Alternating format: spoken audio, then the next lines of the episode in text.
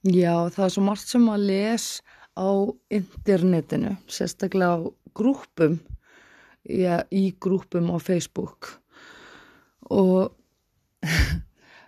almenn skinnsemi virðist ekki vera mjög almenn þegar kemur að bara samböndum eða svona líkamstarfsemi, maður held að, fræðislega í skólum og svona væri meiri og ég las hérna einhvern tíman komment frá kallmanni, þetta er strák, ég veit ekki hvað hann gammal, en hann held að kærastan hans myndi velja það hvenan hann byrjaði á túr, þetta er svona eins og að bara pissa á sig eða eitthvað. Og hún hérna bara var einhvern tíman á túr og hann bara getur ekki haldið þessi í þér, þú veist, eins og þetta væri eitthvað sjálfrátt sem að hún var að gera og bara já, nú ætlum ég bara að byrja túr, ég held að það sé bara langt best. Þú veist, það er svo margt sem að fólk einhvern veginn heldur. Er svo skrítið að, þú veist, svona gamlar kettlingar eins og við, við erum kannski að tala og það verðist bara að vera töð og svo setur fólk górila lím í hárið á sér, skiluru þó svo að sé viðtekinn venni allstaðar í öllum heiminum að setja ekki lím í hárið á sér. Þú veist, sömur halda að konu geti stjórna hvernig það byrja á túr og séu bara í alvörni að bara að pissa innan gæsalappa túrnum á sig bara í tíma og tíma þegar vil ekki vera með í leikfimi eða sundi eða þú veist, getur bara kosið það hvernig þetta á sér stað. Já, og svo einmitt á meðan við eldra fólki erum bara svona, já auðvitað, þetta gerist á 28 dagar fresta vennilega og við bara erum ekki að setja lím í hárið okkur eða borða þvóttaefnispoka, nei, nei. En nú tíma fólk það verðist einhvern veginn þurfa já, prófa allt upp og nýtt. Þetta eins og með bólefni og svona það skilur ekki af hverju fólk bólusetur börnin sín, það bara veldur einhverfi, nei það veldur ekki einhverfi, það forðar barninu frá því að deyja úr lífsættilegum sjúkdómi. Nei, það er bara ákveðið það að jörðin sé flöt og það vilja ekki bólusetningar eða eitthvað. Og einmitt ákveði og við ákveðum bara hvernig við viljum vera á túr Já, aðtiklisbresturinn minn virkar þannig að ég fer mjög hratt úr einu í annað. Ég veit ekki hvort ég er með áunnin aðtiklisbrest eða hvort að þetta er eitthvað sem hefur sjáð mig lengi. Ég man þegar ég var svona, hvað, ég hafi ekki verið svona 12 ára. Það var ég sendt út í búð til að kaupa, þú veist, brauð og mjölk. Ég kom heim með ost og salt. Þú veist, ég hef týnt pening sem ég held á í lófanum og ekkert þegar ég var barn, ég var ófrísk, ég var 19 ára. Þá fór ég út í búð, mamma sendi mig út í búð eftir einhverju pelarjóma eða eitthvað og ég hef með þúsunkall í hendinni. Ég týndi þúsunkallinum úr hendinni á mér. Þannig virkar aðtiklisprestur, maður einhvern veginn feð bara svolítið að auksa eitthvað allt annað, leggur frá sér það sem maður er með og bara nákvæmlega gleymir öllu sem maður var að fara að gera. Og litli heilin stjórnamanni svolítið, þú veist þetta er eins og þegar maður er að keira þú veist, keirir í vinnuna á sunnudegi þú veist, eitthvað svona litli heilin tekur bara stjórnina. En þannig verðist heilin á mjög virka, ég er svona fæ einhvern, einhvern svona smá svona, að já, þetta var sniðut, að best að fara þangað. Og hérna þannig tölum við vinkorna mjög oft saman, við byrjum, það er svo gaman í okkur, við förum á fullt skrið og það eru svona 70 lausir endar af spjallinu. Og við hérna getum ekki hægt samt að tala um það sem að samtali leitt okkur áfram í. Þannig að við erum stundum búin að tala um það einmitt að hafa stílabók þegar við erum að spjalla til þess að geta loka lausaöndunum og hún Sara vinkunum mín, hún er akkurat þannig að við erum búin að tala um einmitt að gera podcast og við erum búin að tala um að gera svona bók eða skrifa sögu eða eitthvað svo leiðis og einhvern veginn situr alltaf þar við bara. Þessi endi er bara svona stendur út úr prjóninu sem við erum búin að prjóna í gegnum tíðina. Mjög margir svo leiðis endar allstað kemur alltaf nýr og nýr litur ef mamma geta gera svona myndlíkingu. Og verðist vera já, mitt svona einkenni já, og einkenni minna vinkvenna að við erum svolítið aðteglis svona brostanar ef maður orðaða svo leiðis ég veit ekki hvort þetta er eða hvort að maður fæðist með þetta hvort þetta er bara eðlilegt og þetta heiti bara aðteglisbrestur í dag þetta hétt einu sinni að vera annars hugar eða sveimhugi eða eitthvað sliðis svona greiningar er breytast svo rosalega og eitthvað í gamla daga hétt að vera óþekkur annað hétt eitthvað að vera vangefinn skiluru í dag heitir þú veist þessi óþekki hann er mistróska eða þú veist kvíðinn eða hann er með einhvern brest einhvern aðdeglisbrest eða þú veist hann höndlar ekki aðstæður og er á einhverju svo kölluð einhverju rófi eða hvernig sem það er. Það eru tættir um allt þetta, allstaðar á öllum miðlum, þar sem er verið að fræða fólk og þú veist, samt vaða uppi alls konar svona sækopathar og geðsjúklingar og, og einhver svona vittlisingar um bara á meðal mentaðs fólks sem að á að þekkja allir þessi rauðu flögg sem að þetta lið heldur uppi svo staðfastlega. Þannig að, já, þegar kærastinnin segir þér að þú getur ráðið í hvenna þú ert á túr, þá, sko, hefur hann mist af bara internetinu, bara eins og að leggja sig. Þú veist, hver segir einhverjum að einhver ráði því hvenna hann byrja á túr? Þú veist, það verður aldrei verið minnst á það einu orðin einstar þannig að uh, þetta er bara svo skrítið að segja þetta ég allavega var rosalega hissa ég lasi þetta komment. Að einhverju gæti dóttið í hug. Bara já, you choose to be on your periods. Alveg uh, ok, býtu. Þetta hlýtur að hafa verið eitthvað tról eitthvað svona tröllakomment sem að hann hefur bara, já, ákveði að vera fyndin eða eitthvað, nei en þá kom alveg, þú veist mörg komment undir þessu kommenti það sem að þau voru bara að debata hvort að hann væri svona heimskur eða ekki. Og við komumst að þeirri niðurstöðu að maðurinn var í alvörunni bara svona vittlus og um ekki hann. En það er svo margt svona í dag sem að maður getur bara fundið út á netinu. Það er TikTokar að kenna fólki að það geti bara hreinlega verið með krullur.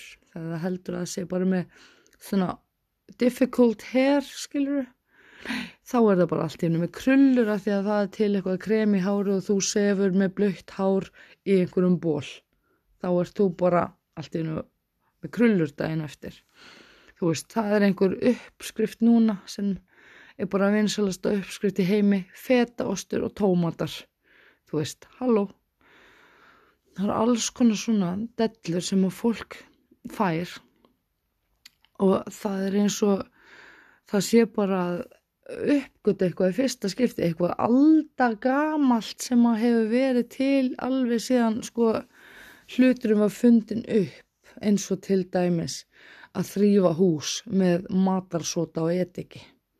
Þú veist, nei, það er einhver áhrifavaldur, nútíma áhrifavaldur sem er fætt 1990 sem að hefur bara gefið út bók og bara öll húsræðin hennar eru bara copy-paste uppi bókinni sem að var gefin út árið 1950 eitthvað hagnýtar húsmæður eða eitthvað álíka. Ég veit ekki hvað þessi bók heitir en það er mamma á þessa bók. Eitthvað, þú veist, maður ekki hvað hann heitir. Og, og þessi áhrifavaldur í dag hún náttúrulega er hérna photoshopu drep framann á coverinu í grámáluðu íbúðinu sinni með gráa púðan sinn með yttala gráu skálina við hliðina sér allt svona uppstilt með ómaggi og múminbollum og einhverjum gráum hlutum sem að heita eitthvað eftir einhvern innanhúsarkitekt. Búin að finna upp innan lit náttúrulega sjálfsögðu. Og þessi kona áhrifavaldur hún hefur kannski lifa tímana tvenna, ég veit það ekki. Auðvitað, má ég ekki að dæma það en þetta er minn þáttur og ég ætla bara að hafa mína skoðanir hér. Og ef ég er að misbjóða einhverju þá bara slökku þið og finnið einhver podcast sem er ekki já jafnleðilegt eða eitthvað. En mér hefur oft fundist gaman að hafa skoðanir. Jújú, óvinnsælari eru þar mjög oft. En mér finnst helbreyðara að segja satt og vera kannski móðgandi við einhvern eða ljúa fallega að fólki og bara, já, þessi hárgrisla er rosalega falleg, svo bara langar mig til þess að rýfa hárkölluna á viðkomandi. Í stað fyrir að segja bara, herðu þú ættir nú kannski bara endur sko þessa hárgrislu þetta er ekki falleg hárgrisla ferðir enga vegin og þetta er kannski aðeins að sko þetta. Þú veist, ég er alveg súmannska ég er, já, óþólandi og mér langar bara til þess að halda þeim sérkennum af því að það er ekkert allir sem að fíla að vera já, svona já manneskja fyrir alla. Það er alveg ekki ég. Og að ég veit ekki jújú, jú, stundum þarf ekkert að komast að niðurstuð, stundum þarf ekkert að vera eitthvað eitthvað ákveði svar, ég meina kannski hef ég bara þessa skoðun af hverju, ég veit ekki þú veist.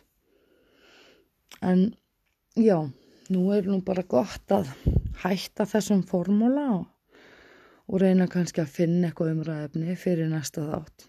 Af því að mér finnst þú að gott að vaða svona einmitt úr einu annað og geta svona aðeins valið svo um efni setna mér þegar ég hlusta aftur á með stílabókina við hönd.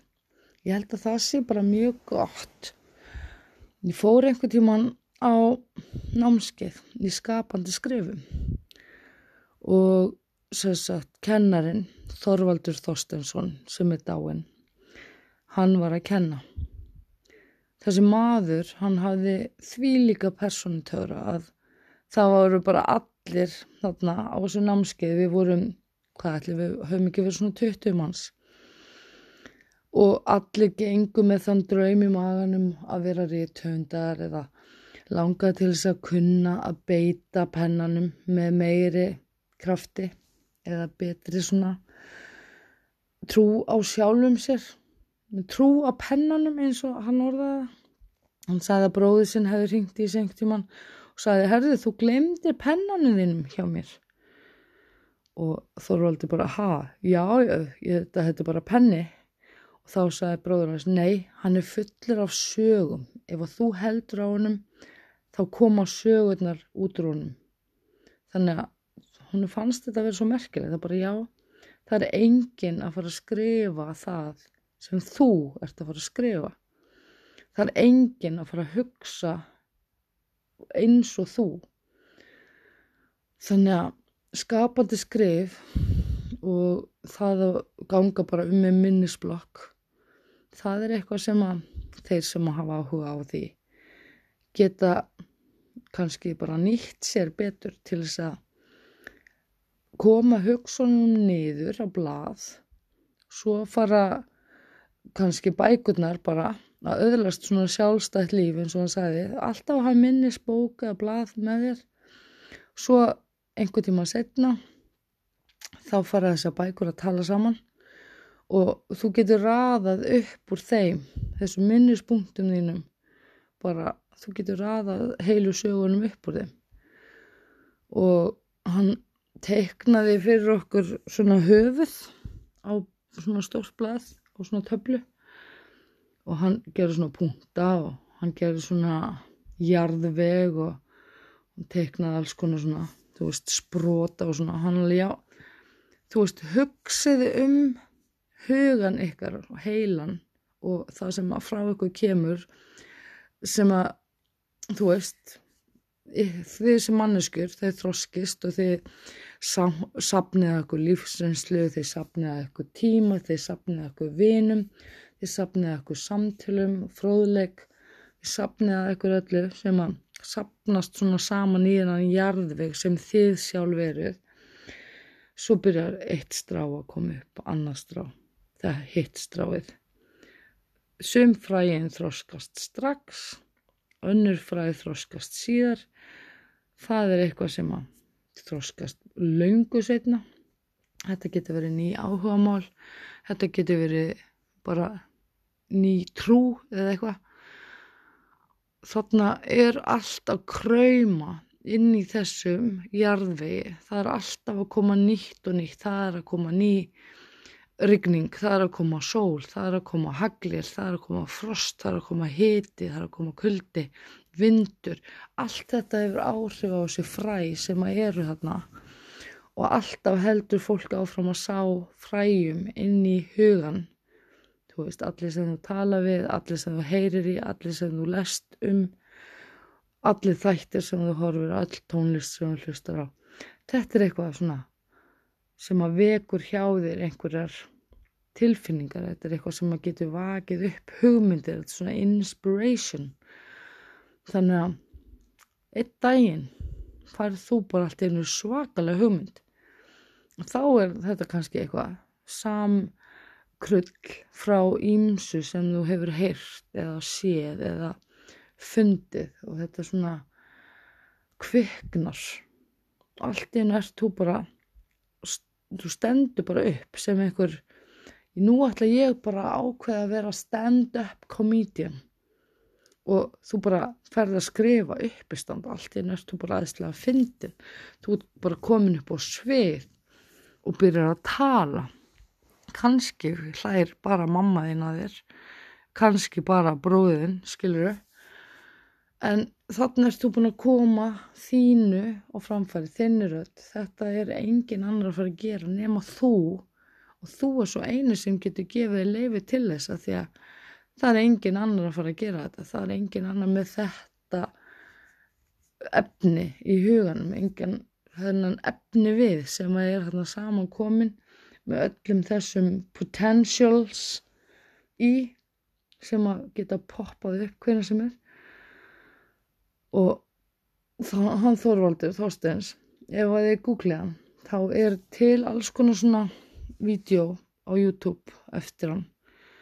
Og ég meina hann var mjög svona já, kannski, ég veit ekki hvort hann var umdeildu listamár ég hafði ekki heyrt mikið um hann þegar ég fór sjálf hérna á námskeið hjá hann þá, þú veist, jújú, hann skrifaði blíðfinnur og hann var með eitthvað hann var líka myndlistamæður og hann var einhvern veginn svo frjór í hugsun og hann dó náttúrulega allt og ungur, hann dó bara rjúmlega 50 og hann skildi eftir svo mikið ósagt. Þú veist ég fór hérna í einhverja 7-8 tíma í skapandi skrifum hjá honum. Og í hverjum tíma þá saðan okkur að skrifa. Skrifi ykkur bara eitthvað, hérna er blað, hérna er penni byrja að skrifa, núna, skrifi í 5 minútur svo stoppa ykkur. Svo fáum við að lesa öll það sem hinn er að skrifa. Ég skal koma með stikkorð svo saðan stelpa hjól gullt stígur, skóur, eitthvað svona. Og hérna við vorum öll eitthvað að skrifa um þú veist, stelpuna sem að gekk um, í skóginum í gula kjólunum sínum og, og þarna, þú veist, var stígurinn á enda og hún viltist og svo voru við kannski ekkert komið lengra en þetta. Svo segir hann við okkur, ok, nú gef ég okkur nokkur orðið viðbútt þið bara haldið að varum að skrifa. Hann dregi, eiga, gimsteinn, tré, skilur, eitthvað svona. Og svo heldum við áfram að skrifa. Einn í hópnu var svona dark svolítið þú veist, hann lit dregan vera rosa vondan og hann var að fara að geta stelpuna og önnur hún lit dregan, þú veist, hjálpa stelpuna að finna geimsteininn og eitthvað svona.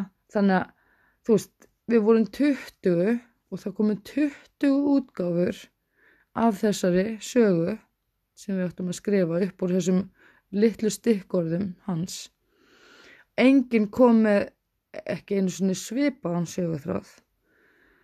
Þetta var allt eitthvað svona individuals og engin var með, þú veist, við vorum ekkert að kíkja hjá hvort öðru þóttu við sætum saman. Og svo hérna, þú veist, stoppaði nokkur aftur eftir fimm myndur og leta okkur lesa upp og við vorum bara mjög spennt fyrir sögunum hjá hvort öðru. Þó að þetta væri allt svona svipað þú veist, sömu orðin og sami tímin og sama umhverfið sem við vorum í þannig að svona hugþjálfun þú veist ætti að vera kannski bara nöðsileg fyrir fólk eins og mig og þig. Ef maður ætlar að fara að skrifa eða vera að já, koma einhverju frá sér þá er þetta náttúrulega bara vöðvi sem þarf að þjálfa.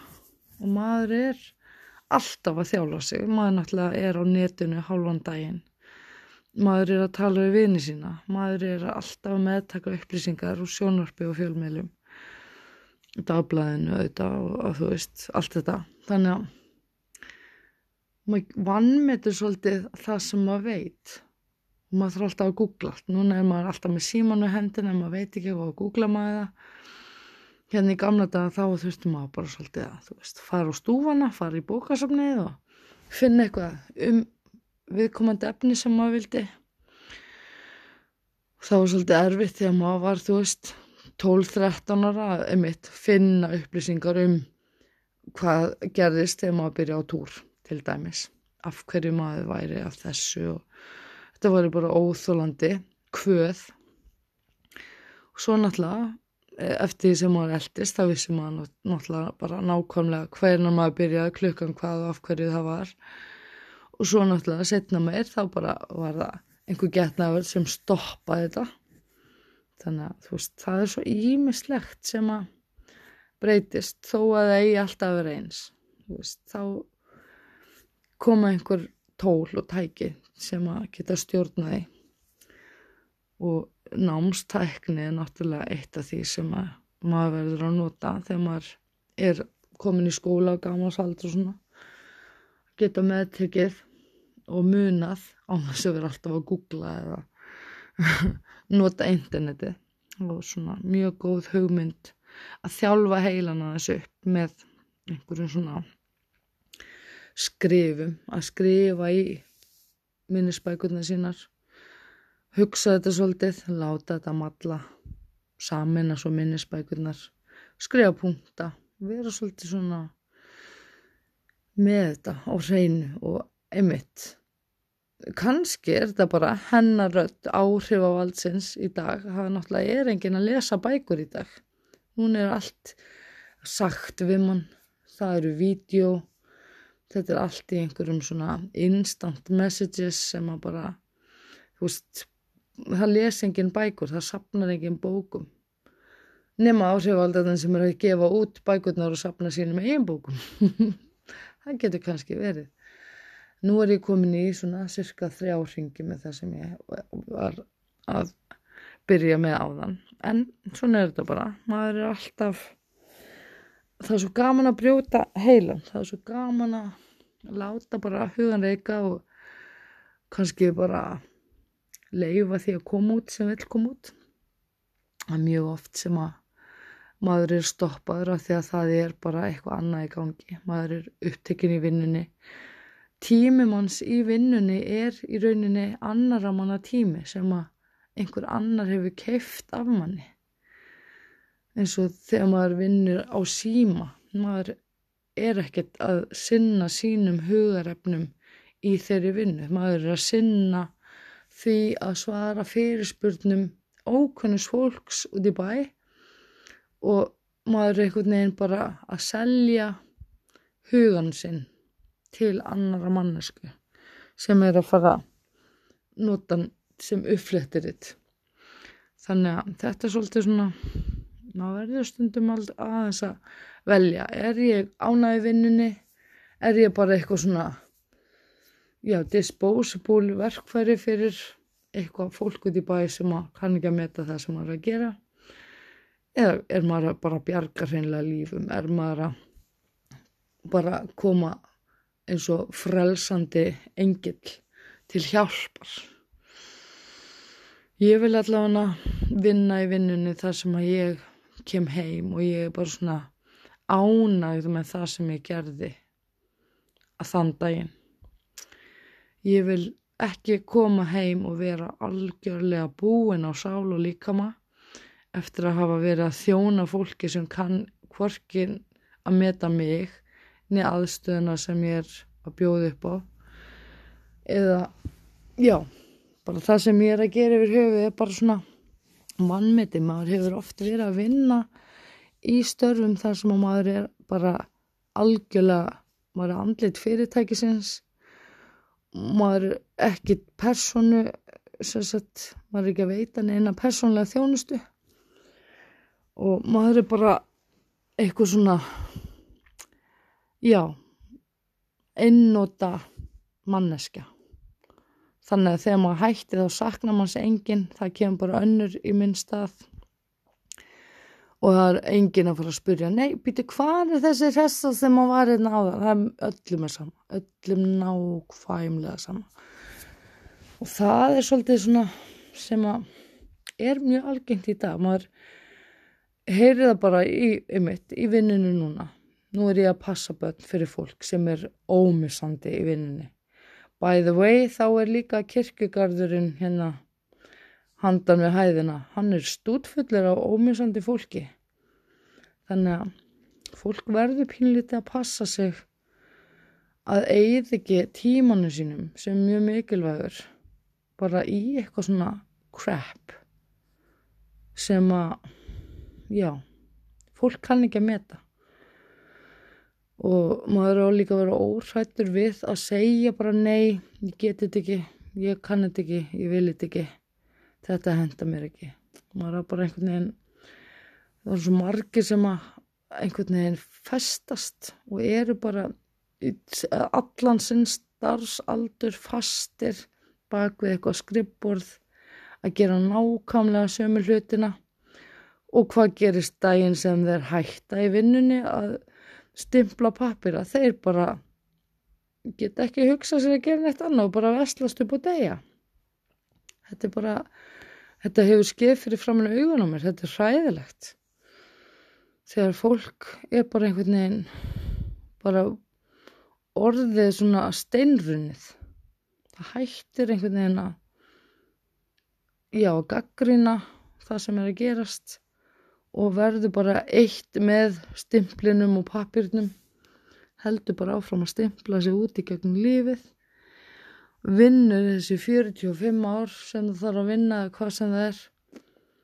50, 60 ár og bara stimpla sig sér hann út og vinnur og deyr. Það er ótrúlega sorglegt.